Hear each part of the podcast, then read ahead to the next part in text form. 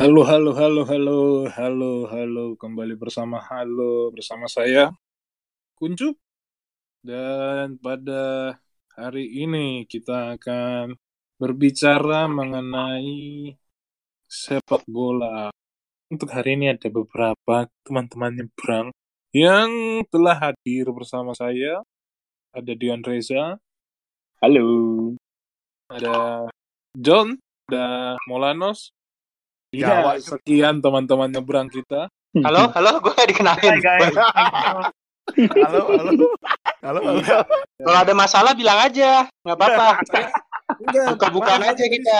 Gak usah ada yang dirahasiain. Biar semua orang yang denger tahu kita ada masalah. Apa-apa. Maaf aja emang tadi sengaja. Jadi ya lu maafin lah. Halo, Sebut siapa namanya? ASL please. 26, laki banget, eh, Jakarta. Jakarta. Sorry mas, sorry mas, ini bukan take me out ya, jangan terlalu detail ya. Ini kan MIRC. MIRC. Ayo dong, fokus dong. Jangan bercanda terus. Kita kan hari ini bakal ngebahas bola nih. Dalam waktu-waktu dekat ini ada dua final lah ya kan. Final Europa League sama final Champions League.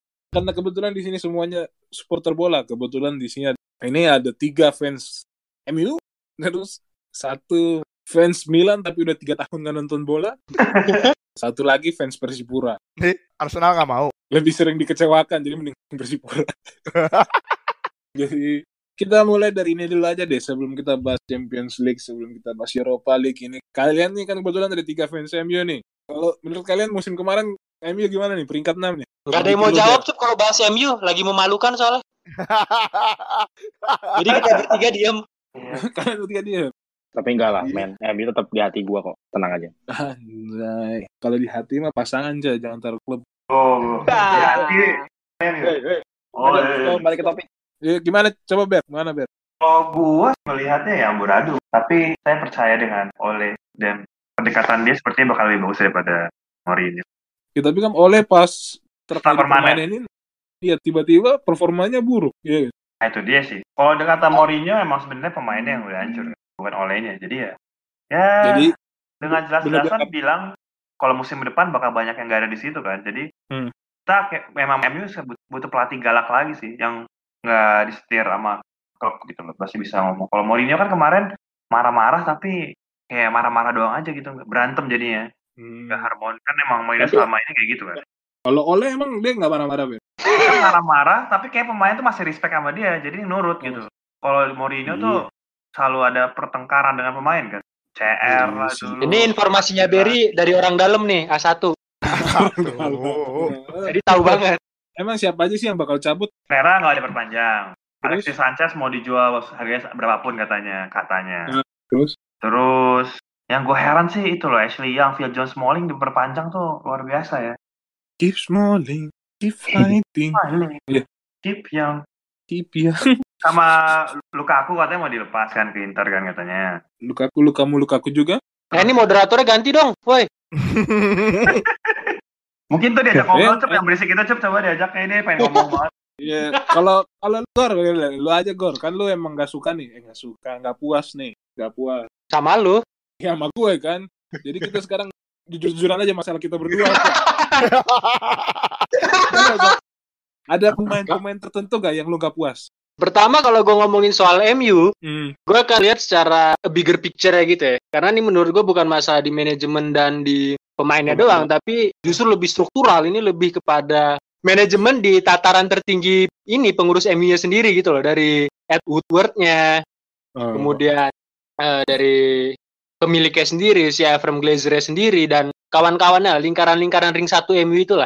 Karena gue melihat semenjak Ferguson cabut, kebijakan transfer MU tuh berubah gitu loh. Mereka cenderung merekrut Galacticos gitu. Pemain-pemain jadi gitu ya. Pemain-pemain Pemain jadi dan mega bintang gitu. Post Ferguson itu eh, rekrutan pertama kali adalah Vela ini. Vela ini bukan bintang, itu kegagalan. Eh, Juan Mata. Iya. Kemudian Moyes dipecat, setelah itu ada Di Maria dan kemudian di detik-detik terakhir ada Falcao dipinjam. Gue Iya. paling paling ancur itu ketika MU beli Di Maria menurut gue. Itu momen MU udah bukan MU lagi, beli Di Maria dengan harga segitu. Iya, iya. Tapi kita bisa melihat ada pergeseran dari situ kan bahwa nggak ada kebijakan lagi nih yang jelas mau seperti apa ke depannya gitu nggak ada visi lah Gak ada, gak ada tujuannya. Kayak pemain bagus bisa gue beli, gue ambil gitu. iya karena mungkin mungkin menurut gue lah itu karena berada di bawah bayang-bayang Ferguson gitu mungkin ya sehingga Hmm. mereka mencari cara instan bahkan ketika Ferguson cabut sendiri pun fundamentalnya MU sendiri juga udah nggak sekuat itu lagi gitu Ya betul. Nah, kemudian pelatih-pelatih yang ada setelah Ferguson itu cenderung pelatih bukan manajer gitu. Maka Hmm. kebijakan transfernya itu lebih lebih diarahkan oleh pemilik atau si Ed Woodward ini, chiefnya ini, yang mungkin ah gue Hmm. tak ini pemain bagus gue beli ya. Ya sebenarnya dia juga kayak nggak ngerti bola karena prestasi di lapangan itu Iya. lebih buruk daripada prestasi komersialnya MU. Prestasi komersialnya MU semenjak dia pegang, wah gila, makin banyak sponsor tiba-tiba MU tiba-tiba di lengan sekarang ada sponsor gitu loh. Jadi menurut gua dia Ya bagus. menurut gue sekarang MU harus merekrut manajer yang benar-benar manajer gitu ya, yang ngurus semua dari perpanjangan kontrak, nyari pemain, ya kayak Ferguson dulu lah, atau beradaptasi dengan keadaan sekarang, di mana ada director of football sekarang ya, mungkin di beberapa tempat ada technical director, di beberapa klub uh, director of football yang seperti itulah. Halo? Iya, Yuk, iya. lanjut, iya, lanjut. lanjut, lanjut, lanjut. Gue kira gue disconnect tadi. Sorry, sorry. Sunyi banget itu, jadi serius. Ya serius kita dengarkan. Kalau mau rame pasar malam, Ini Bor. serius soalnya masa depannya MU nih Gor, ini serius ini, ini serius. Iya, iya, iya. Bung Eca coba Bung Eca gimana? Nah, terus eh, sabar dulu, sabar, jangan. Halo. Oke, oke, oke. pimpinan. Ya, emang kalian ini nggak bisa jadi anggota dewan memang ya. Ya Dipotong. ngomong, ngomong, ngomong. Oh ya, ya siap siap sorry. Lanjut, lanjut. Ah, ya iya itu gue bilang. Ketika emang jajaran atasnya itu nggak ngerti sepak bola, mungkin dibutuhkan manajer yang benar-benar strict atau ya beradaptasi. Kita harus butuh director of football yang jelas gitu, yang benar-benar megang teguh kayak apa sih nilai-nilai MU tuh kayak promosin pemain muda, attacking football yang yang sekarang udah hilang gitu. Ketika lu pikir masalahnya di Mourinho, oleh masuk lu ngeliat secerca harapan, tapi ternyata pemain-pemain itu ya gue gak bilang Sama aja. pemain-pemain itu berulah gitu loh. Mungkin mereka berulah atau mungkin mereka memang ya gitu aja kapasitasnya. Mungkin karena fisiknya lagi nggak bagus. Karena gue pernah eh, membaca mengutip pernyataan oleh bahwa kondisi fisik pemain MU itu jelek banget. Fitnessnya ya fitnessnya. Jadi yang Kalau di WEC semua kali ya Gor ya. iya iya. Kalau di FM mungkin work rate-nya 10 semua kali gitu. Kayak males lari dari Iya, iya. skala 0 sampai 20 work rate 10 gitu Kayak orang kurang darah semua. Iya, karena karena awal-awal lihatlah awal-awal oleh ngelatih kayak berapa pertandingan pertama tuh MU ngepres banget kan. Ngejar bola Hmm. mana-mana, ngejar bola mana-mana. Kemudian menjelang setelah oleh dipermanenin, memble gitu. Kayak fisiknya, fitnessnya udah hilang semua gitu. Dan itu juga Hmm. yang pernah gua baca, salah satu permasalahan oleh adalah fitness. Mereka lagi nggak bugar gitu dari awal. Makanya kemarin dia mengultimatum siapa pun pemain yang kembali dari pramusim tidak bugar, mereka akan ditinggalkan dan nggak akan ikut tur Hmm. Untuk musim depan nih ya. untuk musim depan. Selain beberapa pemain yang emang akan dibuang gitu ya, karena nggak sesuai dengan filosofinya Ole atau filosofinya MU. Tapi menurut gua balik lagi ke masalah itu tadi ya MU. Menurut gue itu nggak sekedar masalah pelatih atau pemain, tapi juga eh, struktural di jajaran atasnya MU menurut gue. Lu setuju, Cak? Apa menurut lu fokus ke pemain doang apa gimana, Cak? Kalau lu, Cak? Kalau gue sih ngelihat eh, ini kecurangannya bersifat terstruktur masif ya. Anjir, jadi, jadi jadi pemilu aja. Enggak, enggak, enggak. Kalau gue sih ngelihatnya eh, MU ini benar sih yang dibilang sama Igor sama Berry. Kalau Ole ini sebenarnya masih perlu waktu aja dia. Ya. Gue gue suka ketika Ole ditunjuk dan dia jadi caretakernya MU dan dia ngerubah pola bermainnya MU. Benar kata Igor, memang eh, masalah utamanya itu di fitnessnya pemain-pemain MU yang nggak nggak bugar gitu kan. Nah tapi pada saat ini, pada saat ini kondisi skuadnya MU kan lagi dirombak besar-besaran nih. Banyak pemain yang cabut, yang kontrak yang nggak diperpanjang, dan Ole udah udah bikin eh, rancangan gitu ya, udah bikin desain bahwa gue harus beli ini, gue harus beli ini, gue harus nambel di sini, gue harus nambel di sini. Nah itu yang gue harapkan nanti info dari detik.com sih, gue baca. Oh, gitu. Ya pokoknya dari dari dari berbagai pandangan netizen juga lah gue lihat. Oke. Jadi Oleh punya visi yang yang oke gitu loh menurut gua. Dan Setuju. Hmm. visi ini sejalan dengan visinya Ferguson dulu ketika dia Nah, itu dia. jadi pelatihnya MU yang sampai mendarah daging banget jadi bapaknya MU gitu loh. Sampai namanya Ferguson ini jadi eh, salah satu standnya di stadion MU gitu kan. Jadi apa ya? Jadi ada Hmm. trademarknya gitu loh. Nah menurut gua Ole itu cuma perlu dikasih waktu. Itu aja sih. Masalah Ya, siapa tapi- yang mau dia beli, masalah siapa yang mau dia mainin di squad MU musim depan, gue percayalah Hmm. pasti itu yang terbaik buat MU. Nah, kalau gua nggak salah ya, gue gue juga nggak terlalu Hmm. hafal sih MU yang zaman Ferguson dulu. Kalau nggak salah tuh MU dulu empat musim tuh acak adut dia. Jadi pada saat awal-awal Ferguson masuk ke MU 86 ya kalau nggak salah ya 86 musim 86 MU tuh 4 sampai musim 90-an atau 91 gitu MU tuh acak adut nggak jelas gitu loh tapi setelah Hmm. itu gaspol terus sampai uh, Ferguson pensiun walaupun memang pada saat MU uh, treble terus sempat jatuh lagi terus sempat uh, juara Liga Inggris tiga kali berturut-turut nah itu memang udah udah udah musimnya MU banget ya tapi Hmm. gue percaya Ole itu akan dikasih waktu eh, seperti yang Ferguson dapatkan dulu gitu Oh jadi dia nggak kayak manajer-manajer sebelumnya dia nih ya? Enggak, kalau menurut gua enggak sih. Jadi kayak fans juga pasti lebih respect ke dia, ngasih waktu ke dia betul daripada betul Mourinho betul, ada betul, Van Gaal lain-lain. betul. Iya. dan gue kaget Tapi- sih waktu kemarin di pertandingan terakhir eh, Hmm. di saat pertandingan terakhirnya kan MU lawan apa tuh kemarin tuh lupa gue dia masukin tim lapis kedua banget lah ada si Hmm. Gomez di situ ada si Pereira ada si siapa lah nama-nama jelas ya pokoknya itulah Nah. Nathan Greenwood. Itu kan benar-benar yang kita nggak tahu Greenwood tuh siapa gitu kan. Ya gue gua sih gue sih pernah lihat namanya doang gitu kan. Cuman gue nggak tahu orang yang mana mukanya. Tapi permainannya menurut gue cukup memberikan apa ya? Memberikan pandangan ke Pengalaman. orang-orang yang nonton gitu loh. Oh, ini orang sempat sempat bikin beberapa pergerakan yang keren gitu loh. Nah, menurut gue menurut gue nanti musim depan tuh bakal banyak nama-nama baru nih yang dimasukin sama Ole nih dari squad squad squad MU yang eh, tim B, tim satelitnya lah. Lebih berharap gitu sih, lebih baik pakai Hmm, akademi akademi aja diambil. ada Class of 92 yang berikutnya gitu loh. Oh, itu parah. ada. Class of 2019 gitu ya. ibaratnya. Nah, itu. Itu Masalahnya tuh. pemain-pemain mudanya banyak yang bagus gitu si Chong siapa sih Kribo itu kan jago tuh si Gomez. Si ya, Tahi Chong, benar. Iya, Tahi itu Chong, kan kayak pemain yang jago gitu, cuman belum dapet kesempatan aja. Dapat kesempatan, setuju gua. Ya jangan sampai aja lah dia kayak Pogba kan.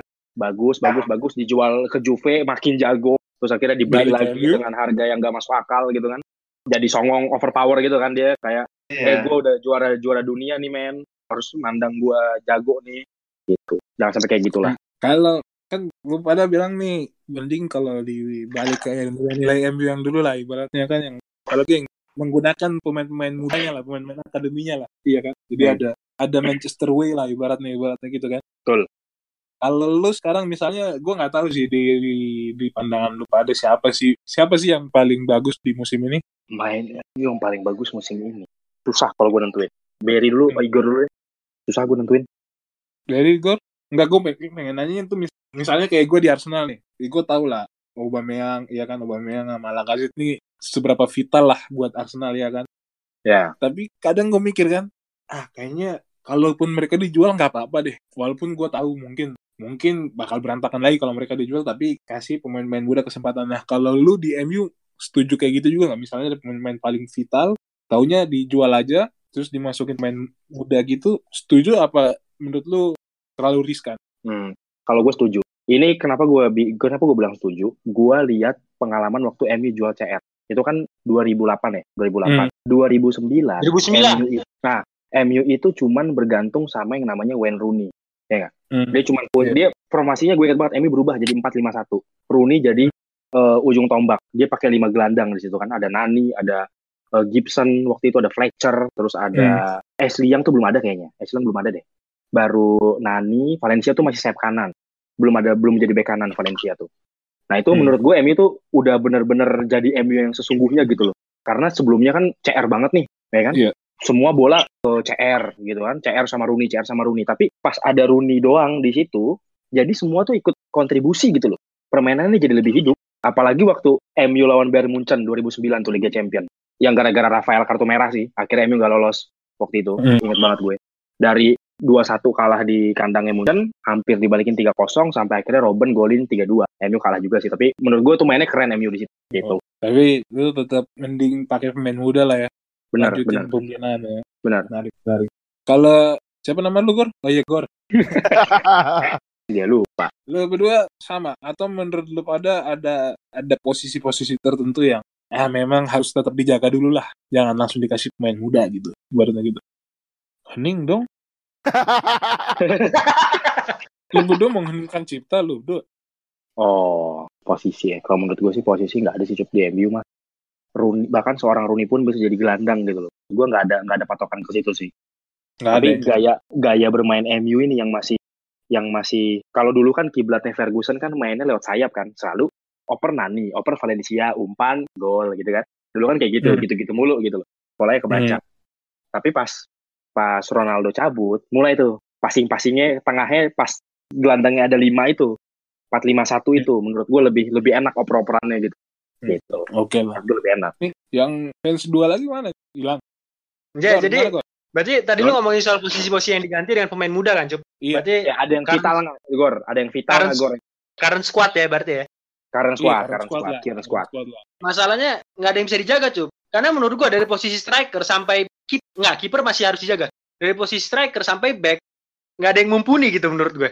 Cukup berkelas untuk membawa MU juara lagi gitu lah ya. Belum ada yang menurut lu gitu ya. Iya. Subjektif lu. Maka menurut gue di setiap posisi, setiap posisi ya, Hmm. seharusnya untuk sekarang ini karena MU lagi building ya. Hmm. seti- Setidaknya ada sat- satu pemain yang berpengalaman lah atau yang Hmm. emang world class lah.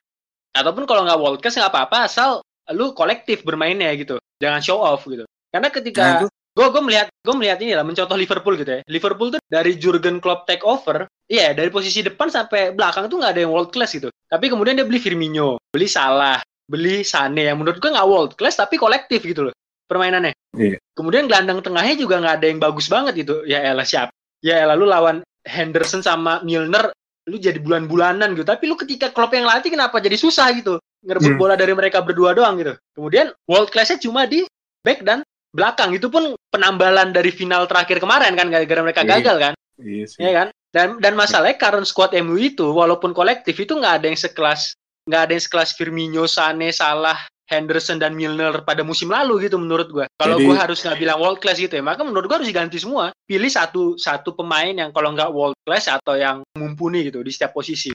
Gunanya apa? Yang berumur dikit juga nggak apa-apa gitu. Yang penting pengalamannya banyak. Yang maksud maksud gua untuk membimbing mereka pemain-pemain muda ini untuk ya masa depannya lebih cerah kali ya. Maksudnya ya ketika lu pemain muda kemudian lu striker gitu. Kemudian lu lihat depan lu panutan lu Rashford gitu yang yang sebenarnya posisinya striker tapi golnya nggak kayak striker gitu. Apa yang mau lu dapat dari latihan bareng dia gitu loh?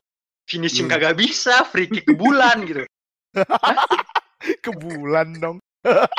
Iya, lu bingung. Terus lu mau mau pemain muda, lu latihan sama Lukaku. Ya Allah, dribble cuma bisa pakai kaki kiri. Mau apa gitu yang dipelajarin gitu maksud gua. Jadi alangkah baiknya ketika MU bisa mendatangkan satu orang striker yang emang striker yang seperti Aguero ya karena gue pinginnya MU bermain seperti dulu gitu loh nggak nggak fokus dengan satu target man karena akan kebaca.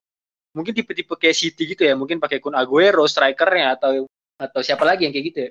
Atau tipe-tipe Suarez yang benar-benar striker kerja keras itu lah jemput bola atau macam-macam Tevez gitu. Voucher. voucher gitu kemudian em, itu depan lah. Maksud gue itu bisa jadi panutan gitu. Dan bisa jadi Hmm. goal getter. Kemudian nah tengahnya mungkin ya contoh-contoh Tiago lah ya Tiagonya Munchen atau atau beli Rakitic mungkin maksud gue ya untuk membina mereka mereka pemain muda ini supaya tahu cara ngoper bola supaya supaya tahu cara ngontrol bola gitu Kayaknya parah banget sih. bukan parah banget karena karena ketika lu bilang harus ada yang dipertahankan dan dan dijual gitu nggak ada yang harus dipertahankan dari squad yang sekarang ini Mending bongkar muatan semuanya ya. Iya. Pun kalau gue bilang nggak world class, beli Jadon Sancho. Jadon Sancho aja pengalamannya lebih tinggi mungkin menurut gue daripada seorang Jesse Lingard yang udah berapa kali jadi starter di MU dari beberapa musim lalu. Karena dia lebih mentereng menurut gue. Finishingnya bagus, umpannya bagus, asisnya oke. Lah Lingard udah berapa musim berapa asisnya? Asisnya Trent Alexander Arnold aja lebih banyak daripada Lingard. Musim ini doang. Asis Iya, asis Alexander Arnold musim ini seorang bek kanan itu lebih banyak daripada asisnya Jesse Lingard di combine berapa musim terakhir. Bayangin. Seburuk apa sayap MU? Jadi maksud gue adalah lu beli pemain jadi, kalaupun nggak jadi yang berpengalaman, kalaupun nggak jadi dan berpengalaman yang world class gitu menurut gue. Which is gunanya mereka ini adalah menjadi pemandu dan pemimpin di setiap lininya. Van Dijk tuh kan commanding center back banget gitu. Mhm. Anjir Liverpool cuma nambah Baker dan dan dan Van Dijk Van doang Dijk. gitu ya. Langsung berubah banget. Hancur nggak sih sampai final lagi gitu loh. Iya sih. mungkin yang harus dipertahankan yang masih bisa gue bilang harus dipertahankan Gea oke lah. Itu nggak bisa diganggu gugat. Kemudian deputinya mungkin harusnya Dean Henderson ya karena Dean Henderson kemarin main di Sheffield uh, Wednesday apa United yang Sheffield yang kemarin Wednesday. yang sekarang promosi kan? Iya, iya. dia mainnya bagus banget. Kemudian Axel Tuan ZB itu perlu dipromosiin sama Timothy Fosu-Mensah. Karena Tuan ZB di Aston Villa somehow bagus mainnya. Dia cocok buat gantiin Phil Jones Smalling. Nah itu jual-jual lah. Dua back aduh gue bingung Tapi kan diperpanjang kontraknya kan? ya itu gue bingung makanya Iya, diperpanjang dan bikin katanya bikin kisruh. di squad. Iya Karena- gitu loh. karena- Jadi Sebenarnya kenapa sih itu Smalling, Phil Jones diperpanjang tuh kenapa? Gor. motifnya sih gue nggak tahu kenapa ya. Mungkin Berry atau Ece bisa menjelaskan. Gue nggak nggak terlalu mengerti gitu. Apa yang ada di benak dan otak Ed Woodward gitu ya. Gue juga Karena gua tahu yakin- itu gimana caranya. Karena gue yakin oleh Gunnar Solskjaer itu satu barisan dengan gue dan Eca pingin jual mereka sebenarnya. Juga, gue juga. Setuju. Gue setuju. Gua Iyalah. setuju. Oleh Gunnar Solskjaer tuh nggak bego kok. Yakin gue pasti pingin jual Betul, gitu. betul, betul, Karena nggak ada gunanya. betul. Oke oke. Nggak ada gunanya. Nah tapi intinya menjawab pertanyaan Ucup tadi untuk siapa yang Hmm. dipertahankan dan siapa yang harus dipromosikan. eh untuk dipromosikan gue belum ya dipromosikan mungkin Tahit Chong, eh, James Garner, eh, Angel Gomez sama Mason Greenwood. Karena Greenwood kemarin jadi Mason top Greenwood. scorer bro. Iya. Di tim B ya? U2 Di kompetisi U23 apa tim- U18 gue lupa. Oh, top iya, iya. score dan mainnya oke juga sih free kicknya juga gokil. Kalau gue baca komen-komen di net komen-komen warganet tuh Warga kalau di bahasanya bahasanya FM ya dub as the next uh, Van Persie gitu katanya katanya. Asik. Iya, iya. Tapi Nah, kiri kanan tapi kaki kiri kanannya nyala bro. Nah tapi tapi gitu. Untuk dipromosikan mungkin per pemain itu tapi untuk siapa yang dipertahankan gue bilang nggak ada sih. Karena ada. pemain yang pemain inti seperti Rashford aja menurut gue yang bukan striker murni itu harusnya dia jadi pemain lapis dua aja gitu nggak dia nggak cocok jadi striker murni Setuju. Karena banget. karena ketika lu bilang striker maka bilang striker dan patokan lu ada Liga Inggris maka rujukan lu kalau nggak Aguero tuh Kane Iya. Hmm, Betul, betul. kalau nggak Giro lah anjing Giro aja masih subur loh. Walaupun mainnya cuma di Liga malam Kamis gitu ya. Iya. eh, Liga Kamis malam. Subur loh. Pierre Emerick Aubameyang Lacazette. Nah itu sa- itu ya gua Lacazette yang mungkin antara sayap dan striker gitu ya. Ya tapi intinya mereka adalah striker yang ngegolin mulu gitu loh. Tapi MU nggak ada sosok itu gitu. Nah, Iya. lu luka aku juga. Luka aku kaku banget gitu. Makanya gue but makanya gue sebenarnya dari dari perspektif gue striker striker mobile gitu loh. Kayak Aubameyang Icardi mungkin sabi sih Tapi Hmm. Icardi tuwir ya, Gor. Udah tua dia tuh. Icardi bukannya 25 ya 26 Lima, Cak. Masa sih? Kok mukanya tua? Iya. Tuan kita, anjir. Mukanya tua ya? Ya muka patokan lo. Aduh. Kabar, apa kabar pemain ini ya Atletico yang udah tua itu siapa? Striker. Godin Diego Costa Dia apa, mukanya Iya, iya. ada prasejarah ini. Costa kan udah satu milenium umurnya Kemudian itu jadi Ber, ber, intinya ber. gitu Cok. jawabannya adalah semuanya layak dijual yang dipromosin empat tadi dan kita harus beli pemain yang mapan untuk di beberapa posisi Kalau berapa kalau posisi ya? ke Berry, lu setuju? Ber, jawabannya singkat ya, setuju atau enggak setuju? Setuju. Setuju. Nah, pertanyaannya biar beda gitu kan. Kan lu iya, setuju iya. nih sama Igor nih kan berarti ada promosi terus ada bully pemain satu dua ya kan di beberapa posisi. Kira ya tapi nggak bisa gitu Nggak bisa. Tunggu. Lo lo Udah, tadi gua Gor bilang gua- berapa gua berapa gua posisi lanjutin yang yang penting gini. harus beli pemain mapan tadi di mana aja yang dulu yang dulu. Tadi gua lagi ini soalnya. Kalau menurut gue ya, menurut gue di posisi striker, kita butuh striker ya. Butuh banget striker. Karena striker 75 juta pound itu ternyata bodoh juga gitu. Kemudian iya, oke, oke. Bodoh. Iya iya iya. Oke oke. Kalau kalau sayap sayap satu lah, sayap satu, sayap murni gitu. Karena baik Oh, iya, Lingard iya. maupun Rashford atau Martial atau Mata itu bukan sayap. Betul betul. Sanchez. Nggak, nggak bisa crossing. Aduh, Sanchez siapa aja. lagi sih? Eh, Sanchez siapa bukan- sih? Bukan saya, bro. Sanchez. Bisa masuk starting line up reserve MU aja gue syukur. Nah, kalau- Sanchez tuh main di Visip Cup aja anjing. Visip Cup. Pertanyaannya siapa cuy. yang nanya? Siapa yang nanya? Lah, Henry, bener kita mesti bikin ini Henry screening screening inilah moderator SOP-nya juga dibikin. Kalau kayak gini Gua kan- caranya tiap episode ratingnya turun. kan gue udah bilang kalau moderatornya gue selalu nggak bener. Moderator yang lain oke jadi nggak ada yang salah. Pokoknya patokannya di gue tuh selalu nggak bener. Ya, kalau lu ber ini kan ada beberapa posisi nih yang kalau kata Igor nih kayak winger ya kan? Sayap sayap ini ya kan? Terus ada striker. Nah kalau lu kalau lu kira-kira ada udah dengar transfer rumor transfer rumor di posisi-posisi ini atau ada transfer rumor yang lu dengar yang mungkin terjadi di masa depan transfer paling gencar sih sekarang si Delit ya. Tapi itu gue nggak mesti nggak percaya itu mungkin terjadi gitu. Aneh banget tiba-tiba dia mau ke MU. Beli kan back kan Ya, back. Back, back, back. Itu malah emang tarik menurut gue paling penting sekarang beli dia. Target utama. Iya, setuju, setuju. Dia commanding Dan- center back yang dibutuhkan. Iya benar, setuju gua. Kalau emang lu bisa bayar dia mahal banget nggak apa-apa dah. Itu kayak menjanjikan kalau dia. Selain The Leeds sekarang rumor yang kenceng si kalau pemain Swansea itu hampir pasti kayaknya ya. Winger Longstaff, Swansea. Longstaff itu ya, Longstaff, Longstaff itu ya. Ah, iya, itu katanya ya murah sih katanya cuma 15 juta atau apa jadi ya. Oke lah. Iya. Sama eh itu Sancho. Sancho sih oke. Sa- Sancho The Leeds udah oke lah itu perubahan yang sangat banyak sih harusnya sih. Udah cukup berarti lu. Cukup, itu sisanya buang semua sebenarnya boleh. Cuman ya gimana ya? Nggak mungkin dibuang banyak-banyak kan sebenarnya. Pasti pelan-pelan. Tapi bukannya MU banyak duit kan? Kan dia budgetnya nggak seperti Arsenal kan, tim kesayangan kita ini. Maksudnya katanya 50 juta kan maksimum. Kalau Eh, misalnya nggak juara. ya. Arsenal, Arsenalnya bisa beli Aubameyang sama Lacazette cuy. Hmm. Iya, habis itu cuma bisa pinjam Denis Suarez. Udah gitu nggak Ya, dimain. bener juga harus nggak main lagi. Gak dimainin anjing. Itu seputar MU nih. Nah, kira-kira kalau misalnya nih, misalnya transfer-transfer kalian ini terjadi transfer-transfer kayak winger, striker, the league datang. Kira-kira apakah musim depan MU bakal balik lagi ke Liga Champions? Kayak champion nih ya Saya juara juara Liga Inggris enggak? Kalau balik Liga gue setuju. Balik oke, cuman juara belum sih. Jadi bisa top 4 lah ya. Bisa big Oh, four iya. jelas. Bisa big four. Top 4 bisa, Cup. Top 4 bisa. Bisa ya. Cuma menurut gua untuk rebuilding MU butuh 4 3 atau 4 transfer window sih. Karena Setuju. Sebelum- satu kali transfer window berapa sih paling dapat pemain 2 3 kan nggak bisa langsung 22 gitu kan. Ya jadi mungkin Iya, kan Arsenal gua kemarin kayak musim kemarin kan Arsenal langsung 5 gol. Iya, makanya. Tapi lihat hasilnya. Iya, atas Peringkat di 4 atas- tetap tetap peringkat 4, tetap peringkat 4. peringkat 5 gol. Peringkat 5, sorry. Berapa? Peringkat 5. Peringkat lima. harus Oh, lima. turun, tetap peringkat 5 sama kan kan. Kan turun, emang 5, emang 5. Dia- Oh, emang 5. Kan biasanya 4. Tiap musim 4 kan, stagnan. Iya kan di dua musim belakangan Wenger kan angin-anginan dia. Oh, Wenger kira-kira. lagi, di bukan Wenger nggak empat. Nah, iya. Gua, Masih, gua mau, ini gua mau kan nanya boleh nggak? Mau nanya. belum. Apa nih? Kalau dong langsung diblomin. Enggak, ini kan masih berhubung MU. Nih ibaratnya lo kalau misalkan jadi manajer MU nih dikasih budget yang misalkan unlimited lah. Ini misalkan aja misalkan. Lo Nah. mau mau beli siapa aja dari posisi striker, gelandang, back masing-masing. Satu aja.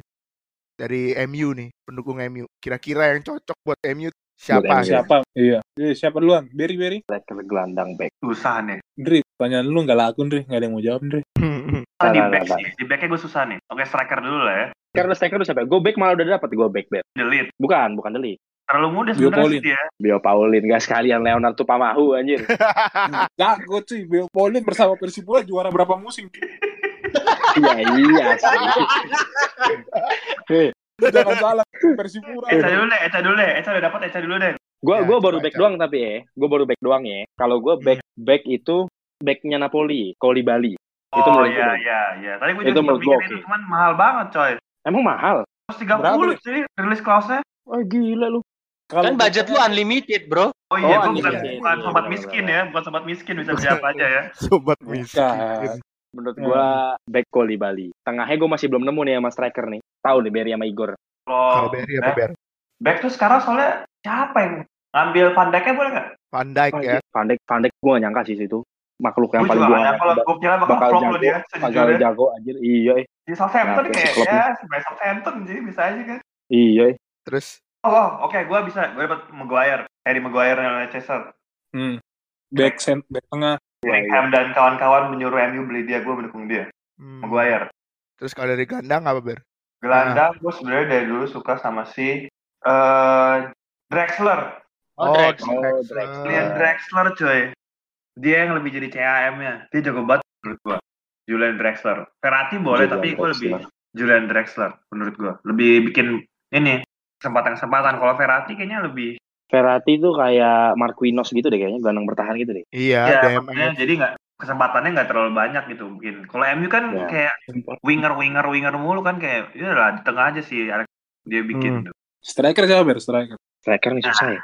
Striker agak susah sih, striker agak susah. Yang lagi yang go getter banget masa lewa anjir udah tua cuy. Lewat, oh Lewandowski. Lewandowski. Unari kan? Iya, Mbappe lah. Oh, Mbappe PSG ya. Mbappe, Mbappe macam Rashford gitu, Ber. Lari-lari doang dia bisanya. Tapi dia bisa ngegolin, Cak. Iya sih. Iya, Iya bedanya. Iya sih. Rashford, Rashford. larinya jelas. By the way, soal Rashford, Rashford, Rashford ini kiblatnya gue liat-liat ke Gareth Bale ya kayaknya. Dia tuh kayak pingin jadi Gareth Bale gitu loh. Cuman modal lari doang tapi ya? nggak. Iya. Cuman nggak jelas gitu larinya, out-out mulu. Cuma kira lari dari kelas. Eh beneran. Iya, kalau Gareth Bale bedanya dia bom bola lari keluar lapangan kan Iya. yang di Copa del Rey kan. Kalau Rashford Kalau Gareth Bale orangnya yang out, tapi dia gol. Kalau Rashford bolanya out. bener bener bener. Nah, gue sih itulah kalau gue. Hmm. Maguire, Draxler, Mbappe. Igor, Igor. Apa Gor? Apa sih ya? Lah. gue uh, back, gue antara Maguire atau Delete nih. Tapi kayak gue Hmm. lebih ke Delete sih. Hmm. Delete ya. Pasangan sama Lindelof tuh kayak wah banget. Terus tengahnya nih sebenarnya susah ya. Butuh Toni Kroos, pemain- Toni Oh. Kroos, Hmm, Toni Kroos ya. Toni Kroos, Toni deep lying playmaker. Hmm. Dia lebih oper-oper. Nah, dia nggak bisa bawa tapi operannya tuh elegan banget. Iya, Dia lebih Operannya kayak keren gitu ya. Gak jago dribble tapi operannya. operannya. Ah, iya, iya, iya. Iya. Dia sosok-sosok yang mirip-mirip Scholes gitu lah. Iya. Yang operan-operan itu elegan gitu. Hmm. Betul, betul. Maka maka menurut gua ketika dia udah dapat bola dari belakang gitu kan. Bayangan gua adalah kita building building attack from back gitu ya. Ketika bola udah sampai Cruz, Cruz akan gampang ngasih ke Pogba, Pogba tinggal konsentrasi aja gitu. Dia yang bawa bola, giring, kiri kanan, depan atas, bawah Hmm. gitu. Hmm. Depan terus bawah. Strikernya adalah strikernya Harry Kane gua. Harry Hmm. Kane. Karena pos Lewandowski menurut gua striker yang bener-bener uh, murni bagus ya Harry Kane sih. Menarik ya nama-nama yang kalian sebut nih di luar ekspor. Dybala, Dybala, Dybala nggak laku Dybala nih. Dybala Nama-nama kan kayak, second striker bukannya ya? Kayak Iya. Messi gitu dia. Iya sih. kayak Luka Jovic loh, nggak ada yang sebut tuh Luka Jovic. Wah, dia udah dia udah, udah cabut ke Madrid belum sih belum ya? Belum kayaknya. Belum belum baca di Mas- berita nih. Masih rumor ya? Kayaknya masih umur deh Luka Jovic. Anjing tuh orang gokil sih. Iya Luka Luka Jovic dari mana sih? Itu Dari kan mana sih? striker. Luka. Frankfurt. Iya, Eintracht Frankfurt. Dia dari dia dari Benfica tapi dipinjemin ke Frankfurt kalau nggak salah deh sekarang. Dia ngeri banget sih finishingnya dia. Siapa lagi ya? Kayak Piatek juga ada yang sebutin tuh. Masih muda ya kan. Oh, jangan. Kalau Oh, Piatek tapi gua yang kontra. emang dia jago atau hoki aja gue nggak tahu gitu loh. Jago. Jago dia. Di Jago banget. Piatek, Piatek di mana sih? Kok gue nggak tahu tuh nama? Milan sekarang. Christoph Nah, kalau tim mediocre gila. kita nggak tahu saya nonton biasanya nggak nonton kan. Wah, nggak Cup, ngaca cup, nih. cup, Wah, nggak ngaca. Ngatain mediocre. cup. Heeh. Yang dulu rame siapa cup striker Torino itu yang sebutannya ayam jago siapa? Alah ayam jago yang ayam Oh, Berardi, bukan. Belotti. Belotti. Rodi itu itu gimana kabarnya dia? Itu kayak Ah. one hit one hit eh, apa? One season One hit wonder doang. Kayak Micu gitu lah dia bro. Kayak Micu gitu lah. Ya. Anjing. Micu Swansea ya anjing. Micu Pun bukan striker padahal menjadi top scorer aja. Iya. Terus back back kayaknya The League ini namanya di, di mana-mana disebut ya. Tapi nggak ada yang sebut kayak Upamek Upamek Upamek hmm. Apa? Upamek? Siapa cup? Tawa lu ngen.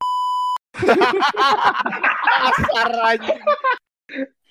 Upamecano, Upamecano. Oh Dayot Umpe Mekano. Iya, Tapi dia di mana cup sekarang? RB Leipzig. Oh Oh, iya. Leipzig. Tapi mungkin kenapa Delete ini laku mungkin pengalamannya kali cup ya. Selain dia udah kapten juga, Iya dia sih. tuh udah ke final Europa League, udah ke semifinal Liga Champion, Ah, Liga kayak Champions, pengalaman juara Liga Belanda. juara Liga Belanda, juara Piala Liga Belanda, kayak pengalaman dia untuk umur 18 tahun tuh melebihi ketika gue umur 18 tahun gitu. Jadi dia cocok untuk diperbutkan banyak klub.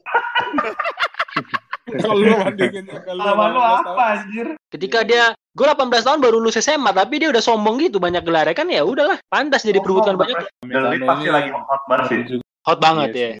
Hot prospect banget sih dia. Ibrahima Konate ya kan atau William Saliba ya kan. Ini juga nyet, Wow Felix. Iya, Felix wah, Benfica Felix ya? Benfica. kan. Benfica, Benfica ya. Wah itu keren banget sih. Sayap itu. antara Gelandang. sayap atau gelandang tengah ya. KMC. KM kan. Barca tuh Hmm. kalau nggak ada Messi mungkin nasibnya sekarang ke MU juga karena nggak jelas juga gitu transfernya kayak gimana pemain-pemainnya. Ya, Iya, iya, pemain-pemain Transfernya juga nggak jelas tuh juga, udah, kan? udah mahal banget sekarang cuy dari kemarin beli si siapa tuh Mal Malcolm siapa tuh? Malcolm, Malcolm, Lah, apa gunanya anjir tuh? Malcolm bikin- Dembele. Coba maksud gue Osmane nggak ada yang Dembele. dipanggil juga.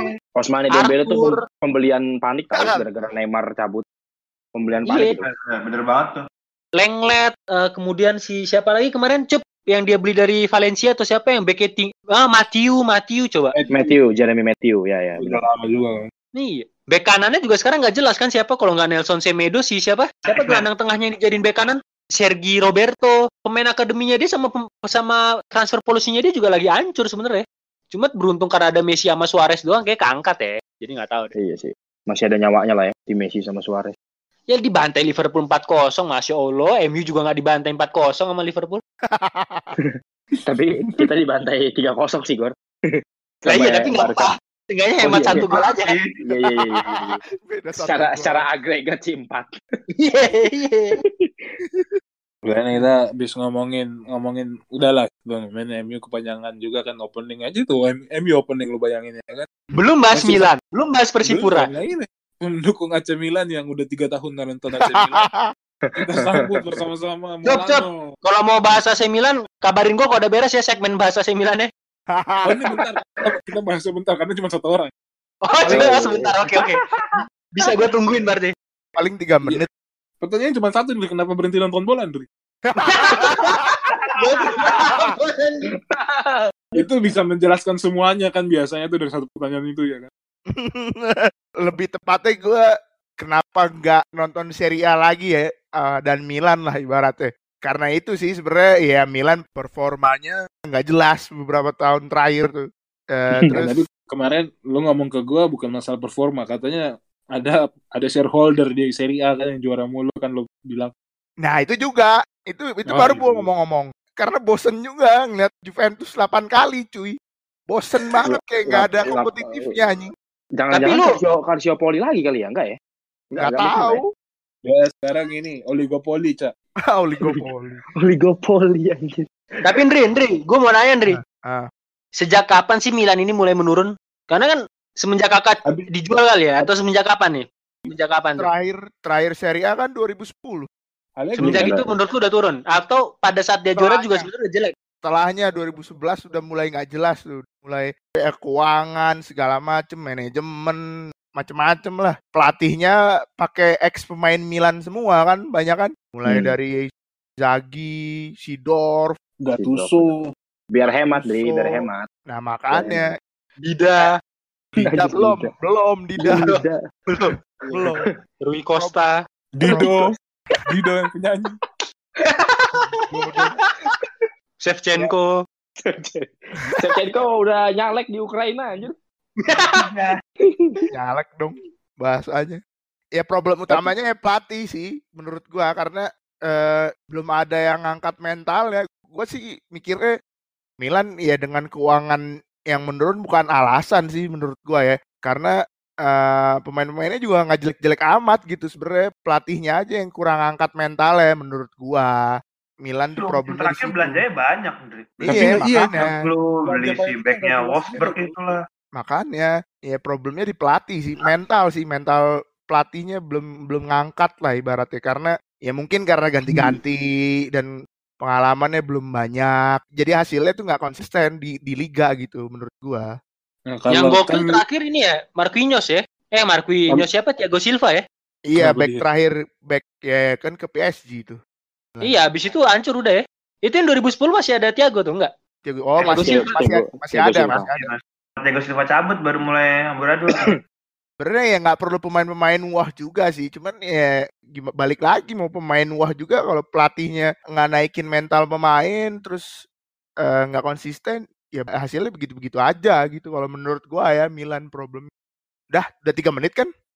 udah udah Kalau lu dikasih Ndri, Ndri, Apa? ya? kalau dikasih kesempatan untuk melantik pelatih siapa yang akan lu lantik? ini kan ada nih Allegri cabut nih mau balikan lagi kan Conte. Enggak. Sari, Sari, Sari. Allegri, Allegri emang fix cabut ya?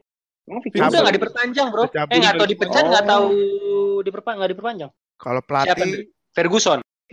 Wenger Wenger siapa eh, yang berpengalaman lah intinya. Wenger, Wenger Oh, gua tahu Ferguson. Benidolo. Benidolo. Benidolo.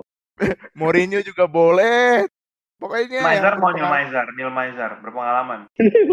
Berpengalaman kalah. Mourinho sih kayaknya cocok sih, soalnya kan dia mentalnya kan gila tuh kalau ke pelatih eh, Iya. ke pemain ya, maksudnya. Ancelotti di mana sih sekarang? Napoli ya? Napoli Ancelotti Iya. Padahal kalau Ancelotti balik lagi keren tuh kayaknya Milan. Iya, Iya sebenarnya cocok sih. Kalau Ancelotti mau Andre. nggak apa-apa sih satu dua tahun doang tapi tetep aja mesti eh, karena udah lama mungkin Ancelotti ngelatih kayaknya butuh pelatih pelatih yang lebih keras lagi sih Tapi Oh. tenang, Dri. Musim depan Liga Italia terbuka karena Juventus dilatih Sari, Dri. Tenang aja. Iya, Benar. hancur. Tenang. Enggak. Musim depan Guardiola itu Guardiola. Diola. Topik utama nih, nah ini sejarah tercipta, ya kan? History has been made ya. Asli. Duh, keren lu, keren. Thank you, thank you banget sih. Gue emang gue akuin gue keren banget. Kemarin gue jalan kan terus ada cewek. oke lanjut cup lanjut cup Eh. cukup cukup Enggak, gue Eh, eh, eh. gue cerita.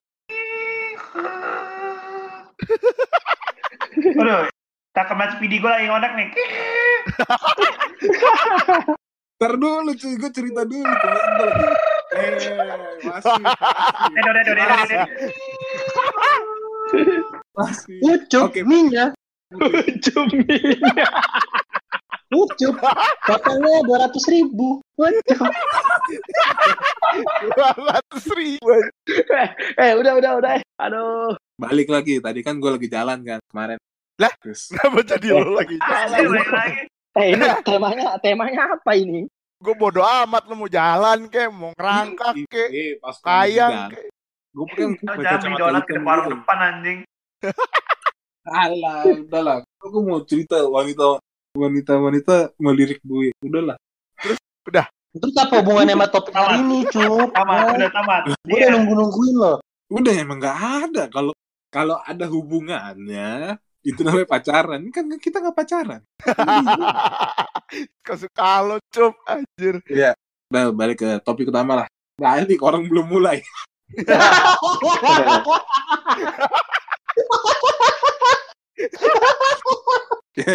Nih kan ada empat tim nih ngomong-ngomong by the way ya kan. Ada siapa aja? Liverpool, Tottenham, Yang pasti nggak ada MU. Chelsea, Arsenal, iyalah, ya kan? Mereka kan di mana? Masuk ke final masing-masing ya. Dibanding ya kalau prediksi nih ada subjeknya begitulah. Apa sih? Hmm.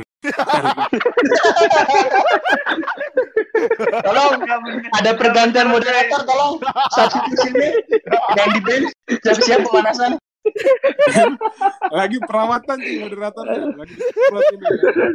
Menurut lo pada ini ini menunjukkan sih kalau bakal adanya dominasi Liga Inggris nggak di beberapa musim ke depan di kompetisi Eropa? Menurut kalian dengan adanya empat tim ini di final? Giliran gue nanya pertanyaan beneran gak ada. Siapa cup menurut siapa Coba dari siapa nih? Dari Andri nih. Dari menurut lu gimana Andri? menurut gua udah beberapa Hmm. tahun ke depan mungkin Hmm. ada tapi nggak mendominasi juga lagi juga maksudnya kayak yang sekarang ya empat Hmm. finalisnya dari Liga Inggris gitu kayaknya Tapi- ini yang kali ini tuh momentum aja Menurut lu agak nggak mungkin buat empat tim Inggris ini terjadi lagi kayak gini di beberapa musim bukan depan. bukan agak nggak mungkin sih kayak eh, mungkin udah hilang momentumnya lah ibaratnya gitu buat eh, Hmm. dominasi Inggris terulang ya sekarang gitu Mhm. mungkin sih mungkin cuman eh, momentumnya kayak agak lebih sedikit eh, berkurang gitu Momentumnya. Berarti menurut lu ini sekarang momentum nih. Kalau yang dari penggemar-penggemar Liga Inggris ini, ini emang momentum atau emang emang pertanda Liga Inggris lagi naik-naiknya? Gimana nih kalian? Coba dari siapa? Pimpa, Layum, Gambreng, Eca.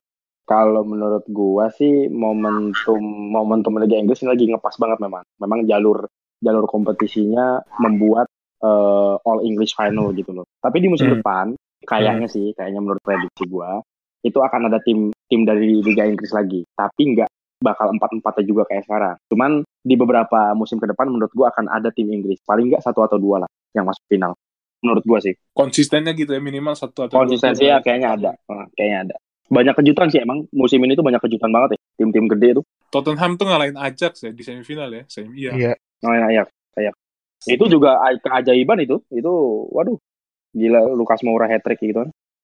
Keajaiban lah lu berharap gue bilang Tottenham bagus. Sebenarnya sih, eh gue lupa. Gor, Gor. nggak apa nggak apa-apa gue nggak ter- gue nggak tersinggung Apa? Ada gue yang tersinggung, Gor. Kok ke Bali. Aduh. Gimana, Gor? Kalau menurut Aing, mah Aing teh, Aing Aing mau. Udah lanjut. Nah, kalau menurut gue ini mungkin pertanda dimulainya dominasi Inggris lagi ya. Kemarin-kemarin kita udah lihat dominasi Spanyol beberapa tahun belakangan ya, 5, 4, 5 tahun ke belakang. Iya. Kalau nggak Madrid, Barca. Kalau nggak kalau nggak Barca, Madrid. Madrid lagi, Madrid lagi gitu loh. Hmm. Ya, emang cycle-nya aja kali ya. Kena terus kalau dibilang cycle, kenapa Liga Italia nggak dapet? Kenapa Liga Prancis nggak dapet? Karena ya susah gitu emang liga-liga itu. Nggak kompetitif ibaratnya menurut gua. Nggak kompetitif. Ya, nggak kompetitif. Nggak, nggak, merata. Dan-.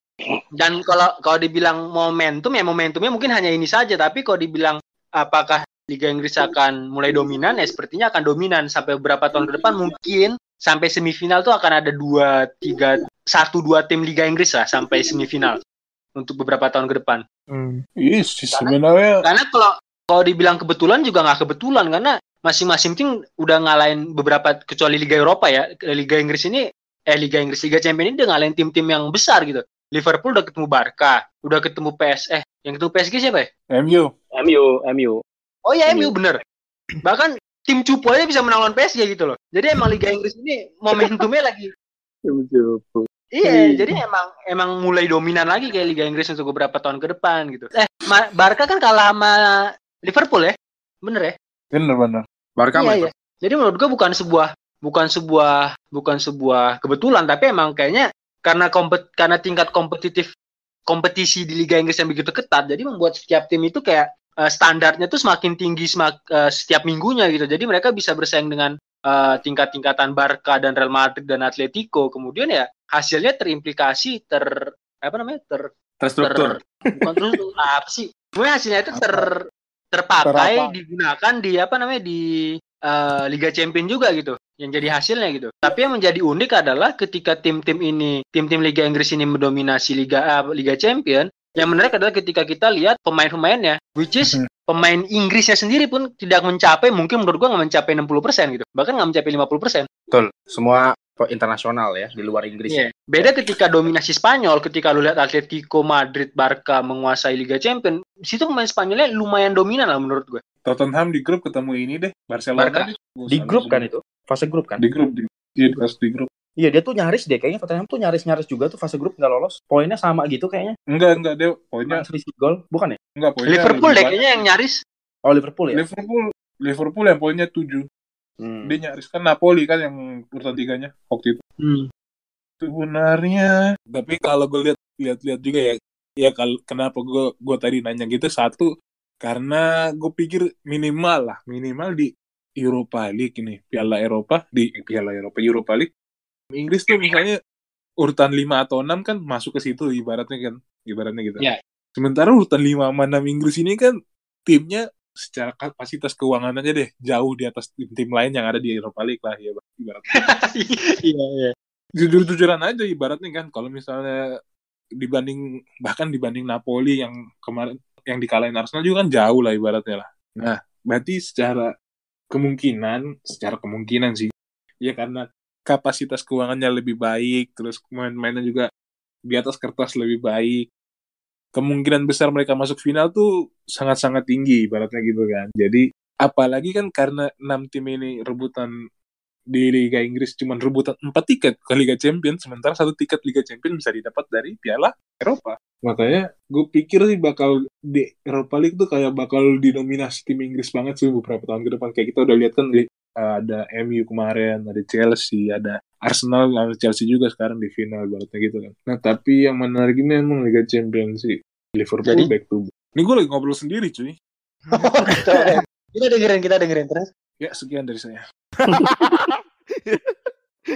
ya ini kan yang menarik ini kan Liga Champions ya. Hmm. Liverpool Ya. ketemu ketemu itu ya kan. Itu. Eh, moderatornya profesional dong, sebut dong. Jangan bawa jangan bawa-bawa ini dendam pribadi. Bukan. Ya itulah. Satunya lagi. Gengsi. Bos. Tottenham. Lu bayangin gak sih kalau dia juara, aduh. Dia juara terus Arsenal nggak juara, aduh. Kayaknya gue cuti kuliah dulu deh. Kuliah. Oh iya sama-sama ini ya, London Utara ya. Iya. Kalau misalnya Tottenham, Anda nggak mungkin juara. Menurut lu pada siapa sih yang mungkin juara? Gue baru mau nebak Tottenham loh, Cup. Padahal. Kenapa? Iya nih. Gue juga Tottenham ah. Tottenham ya? Lu Biar ada lo- masalah biar lo lu cuti. berdua? Biar lo cuti. Eh, kalau gue cuti gue di, ditendang dari tempat tinggal gue cuy. Nggak boleh tuh. Menurut lu pada nih siapa sih prediksi yang bakal bakal menang Liga Champions? Menurut gua Tottenham, Cuk. Kenapa tuh, Cak? Lu yakin? Ya, Kar- karena komposisi pemainnya Tottenham nih bagus menurut gua. Dia kalau bagus dia udah juara Liga. Bukan, maksud gua gini, Cuk. Lu lihat deh performanya apa tuh? Perform Son, performanya Harry Kane, performanya eh, siapa itu tengahnya? Erikson tuh, Hmm. Lucas Moura. Moura, sampai ke back-backnya ada Werlot segala macam tuh bagus semua gitu loh. Bagus semua main-mainnya tuh enak gitu loh rapi. Tapi yang gua khawatirkan adalah si Klopp ini orang yang eh, jago ngatur strategi. Waktu lawan Barca kemarin yang di Anfield Salah nggak turunin, Firmino nggak diturunin. Gua nggak tahu ya apa gara-gara cedera atau apa gua nggak ngerti ya. Gua nggak merhatiin juga. Cuman dengan komposisi pemain yang kayak gitu aja, dia bisa balikin jadi 4-0 gitu. Nah ini yang yang yang gua antisipasi banget nih. Kayaknya si Klopp ini main strategi dia. Tapi kalau secara komposisi pemain, gue lebih suka Tottenham sebenarnya. Kalau nggak main strategi, main di jangan ngelatih bola kocak. enggak enggak maksud gua dia tuh bisa dia tuh bisa bisa bisa bikin tim lawan itu nggak nggak berpikir kalau dia menerapkan strategi itu gitu loh coba Oh, yang yang dimainin Origi coba kapan Origi itu nongol di sebelum sebelumnya ya kan Origi itu jago dibanding Lukaku. ya makanya itu Setuju, setuju. jangan, gitu loh, Cak. Salah tuh kalau nggak salah cedera dia. oh salah tuh emang cedera ya Nah, tapi kan Cak ngomong-ngomong, Ken juga Apa? kan nggak bakal main, Cak. Final Ken nggak bakal main. ini yang ini yang nggak main Ken kenapa emang ganti Hah? Undertaker. Dipanggil Iya. mbaknya, Cak. Keren sih. Abangnya datang oh, beda Undertaker. gue kira Sidak, sidak. dia. Ken nggak main juga, Cak. Gimana? gua rasa sih yang jadi bintangnya nih Son nih Son Hyung Min ini loh Son. jago ya Son Dia- Hyung Dele Ali coy Dele Ali tuh kayaknya sehat-sehat aja tuh kemarin tuh Ketemu di mana lu? Enggak kemarin ini nggak jadi nge-grab dia Gojek. Cacat, cacat. Ya emang gimana ya menurut Pade lu masih ada yang memihak Liverpool gitu? Gue mau Liverpool lah. Iya ya lu, lu Liverpool sih pasti ya. Gue mau dukung Liverpool lah, Bang. Apa cuk dasarnya? Tapi gue baca nih dari webnya Tottenham, Harry Kane dibawa. Di bawah doang, di bawah dalam doa.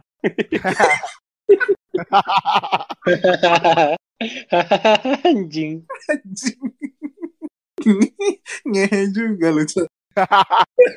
ya tapi iya ngeri banget gak sih kalau lu bayangin ya salah Firmino sama siapa Mane ih gila diacak Sama Lukaku. Kita ngomongin apa sih ngomong-ngomong Dan lu nanya pendapat orang-orang yang menang siapa prediksi? ya baru satu yang jawab ya udah yang lain dong Ndri jawab lo.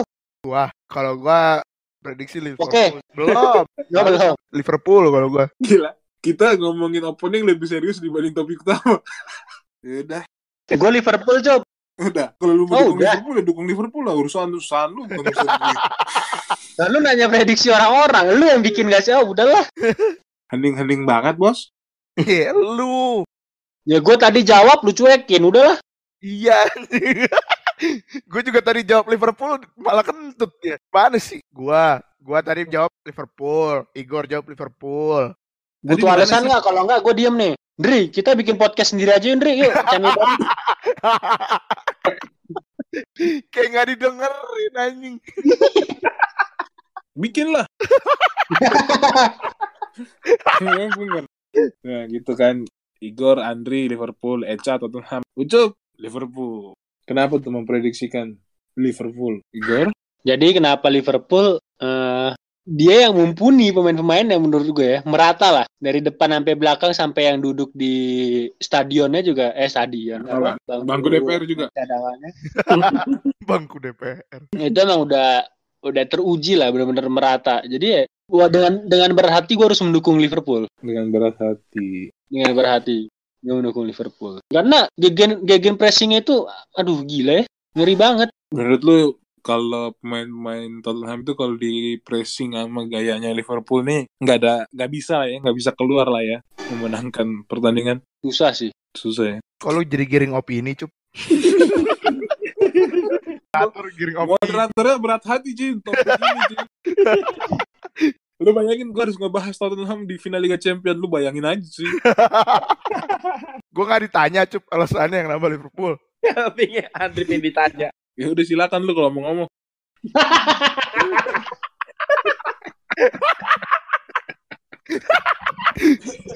Suka lo aja dah cup. Iya, kan gue udah bilang moderator kayak gue lagi lu pak.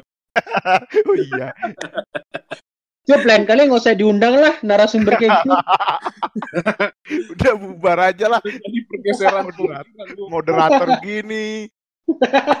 Gua karena Liverpool tuh Gokil. kemarin kemarin udah final juga kan. Ya Hmm. sekarang salah juara. Mentalnya lebih kuat lah mentalnya. Cakep. Cakep. Tujuh. Kalau Ucup apa Cup? Lu Tottenham. Lu nanya gue. Gue dukung Tottenham. Gak juara. Iya kali gue dukung Tottenham juara. Bahkan kalaupun lagi bagus, sebagus-bagusnya tim Tottenham, kalau lu suruh gue prediksi, gue tetap prediksi Liverpool yang juara. Apa pun itu. Gak ada obat lagi. Europa League siapa yang akan juara? Nah ini kan jelas ya kan. Siapa yang akan juara? Arsenal atau Arsenal? Coba Iya. kalian. gue kan menggiring opini cuy. Gue penggiring gembala, Cup. Gue penggiring gembala ya. Gue penggiring Niji. giring niji. Ini soalnya kan di final Piala Eropa, di final Europa League sama final Liga Champions ini pakai hati kan gua moderatornya. Nggak jelas-jelas nggak objektif, jelas-jelas nggak objektif lah. Ya kan, yang menarik dari dibanding gua nanya siapa dukung siapa nih. Lo pada ada dengar berita kemarin gak sih yang pas eh, media day-nya Europa League, final Europa League. Apa lo ada lihat entah mungkin lu pada lihat di sosial media atau enggak ada cuplikan Sari marah-marah yang dia banting topi nendang topinya ya kan gue dengarnya di, Bet- di di BT Sport sih BT Sport dia bilangnya Aspilicueta enggak. Tapi gue nggak lihat Aspilicueta gue lihat videonya David Luiz. Nah tapi menurut lu pada nih tindakannya Sari itu gimana sih? Di di pandangan lu di perspektif lu? Ini kan dia lagi persiapan final tapi dia ngeluapin emosinya dia amarahnya dia di depan media pas lagi ada kesempatan media ngeliput dan depan ada staff-staff pemain-pemainnya dia. Menurut lu pada nih gimana nih untuk atmosfer apakah akan mempengaruhi performa Chelsea di final atau gimana? Emang kenapa sih si Sari masalahnya apa sih? Yang marah-marah itu? Ya dia itu urusan dia cak urusan pribadi mah gue nggak lihat. Gue nggak tahu soal. Katanya sih apa ego pemainnya ya? Higuain sama David Luiz apa Aspil? Gue liat David Luiz sama Higuain sih kayaknya ada ada kontak pas lagi Latihan. gitu lah. Terus Hmm. kayaknya lagi nggak seneng terus ngobrol terus bukan ngobrol sih kayak beradu beradu argumen terus jadinya nggak kondusif lah situasinya. Iya terus Sarinya emosi, Sarinya banting topi terus nendang topinya terus cabut gitu. Menurut lu gimana? Apakah tuh pantas nggak sih Sari melakukan itu pas persiapan final gitu? Gue sih nggak tahu, baru denger. Nggak tahu kalau Andri, Igor Enggak, gue juga nggak tahu. nggak tahu. Gue tahu. Tahu. Tahu. Tahu. Apa yang lu Tapi tahu? nggak mau ngomong. Ngomong-ngomong. Ulang kalau ngomong-ngomong. Habis habis waktu sayang aja kamu. Bahwa nggak semestinya pelatih yang hilang kontrol gitu ya. Tapi harusnya dia Hmm. yang negur pemainnya gitu, bukan ngambek cabut gitu. Harusnya harusnya dia bisa mengontrol atau menegur lah pemainnya. Langsung gitu ya. Apalagi pas lagi ada media lagi kan ibaratnya gitu. Iya, ada media dan dan momennya ini lu mau final gitu, persiapan lah lu jangan. Maksud gue ketika lu mau final pertandingan terakhir lu dapat gelar gitu ya, pasti udah ada pressure-pressure yang Pasti udah ada pressure lah gitu kan, bahwa gue harus menangkan ini, kita dilihat ini, performa kita musim ini udah jelek, kita harus nutup musim ini dengan musim yang buruk ini dengan piala lah gitu kan, segala, Hmm. dengan segala tekanan. Tapi tiba-tiba ditambah tekanan seperti ini yang unnecessary pressure gitu menurut gue ya. Menurut gue ini akan berpengaruh terhadap plan mereka besok gitu ya apalagi yang berantem antara David Luiz dan Higain gitu. Kalau yang berantem antara David Luiz sama pemain reserve atau pemain U21 tak umur apa U18 ya nggak apa-apa gitu karena nggak akan main juga gitu. Tapi ini dua-duanya pemain inti gitu. Oh dia nggak inti ya? Ya tapi ini masih jadi salah satu pilihan utama lah kalau nggak di starting eleven di bench lah gitu. Maksudnya masih masih dekat gitu menurut juga Eh, lingkup ruang lingkupnya ya. Iya sih. Jadi Iya. Ya menurut gue dia harusnya bisa ngehandle itu. Sayang aja sih dia dia mempertontonkan amarahnya ke publik. Iya, gue juga bingung sih pas gue lihat berita itu kan. Gue pikir wah ini ini kesempatan banget nih Arsenal nih. Ibaratnya kan Chelsea ini mau masuk final si Loftus Cheek cedera gara-gara pertandingan di di Amerika kan habis liga. Habis di Amerika ada cedera ya kan Loftus Cheek. Kol, eh, Kante juga kan masih 50-50 lah. 50-50 ya. Terus tiba-tiba dapat berita, Oh, oh iya, Hudson Odoi juga nggak bisa kan, cedera juga kan. iya. Cedera 6 bulan. Odson Hodoi. Wah, nih kesempatan banget nih ini situasi klubnya lagi eh situasi ruang gantinya Chelsea lagi angin-anginan gini kan. Gue mah sebagai fans Arsenal mah happy-happy aja ya kan. Iyalah. Sehingga dia harus nahan itu lah. Jangan kelihatan medianya itu yang penting. Tapi ya ya udahlah. Mungkin si Saria sendiri juga tertekan karena dia dia belum pernah dapat gelar juga kan. Hmm. Ini kan final pertama dia kan di kompetisi. Eropa iya pertama, tapi untuk final keseluruhan kayak kedua deh. Pertama kan dia udah ini kan kemarin uh, Copa bukan? Eh, eh, EFL, Carling. EFL ya? Iya, EFL. Ya sih ya. Pada saat podcast ini di upload kita udah bakal dengar Udah hasilnya. tahu siapa yang menang. Udah tahu siapa yang menang. Sebenarnya harusnya kita lebih banyak bahas piala piala Liga Champion, cuman karena Liga Champion itulah Liga Championnya tidak memihak pada moderator Cuk. tidak memihak pada moderator ya kan. Dan kebetulan narasumber yang diundang ini juga kita ada masalah ya kan narasumber kita mencoba mengundang supporter kawan kita yang mendukung Liverpool kebetulan beliau lagi main Mobile Legend. Jadi Oh iya, Arthur juga Liverpool dia. Ya. Terus yang satu lagi kemungkinan besar kalau kita undang kemungkinan besar berkicaunya rusuh doang. Adit. Jadi kita nggak undang. Keputusannya gitu dong. Ya tapi ya seru gak seru Liga Champions ya kita juga bakal ya setidaknya ini kan ujung-ujung penutupan musim ini lah ya. Iya. Overall, ah, gue ngomong apa? C O Y S bukan C O Y G. Choice. GGMU gitu-gitu mulu MU Itu mulu anjing. Ya, sebenarnya dianjurkan untuk tidak mendengarkan podcast ini sebelum Liga Champion ya karena sebenarnya kontennya nggak berhubungan. Ngomongin MU. ngomonginnya dan kita juga sebenarnya tidak pilih kasih karena kita hanya memilah-milih ibaratnya. Oke. Sekian dari gue dan teman-teman. Kalau ada yang mau memberikan komen-komen silahkan tinggalkan voice note via Anchor atau juga di Twitter kita di komen di @mediakudapan. Sampai jumpa lagi dan kita akan bertemu lagi minggu depan. Terima kasih.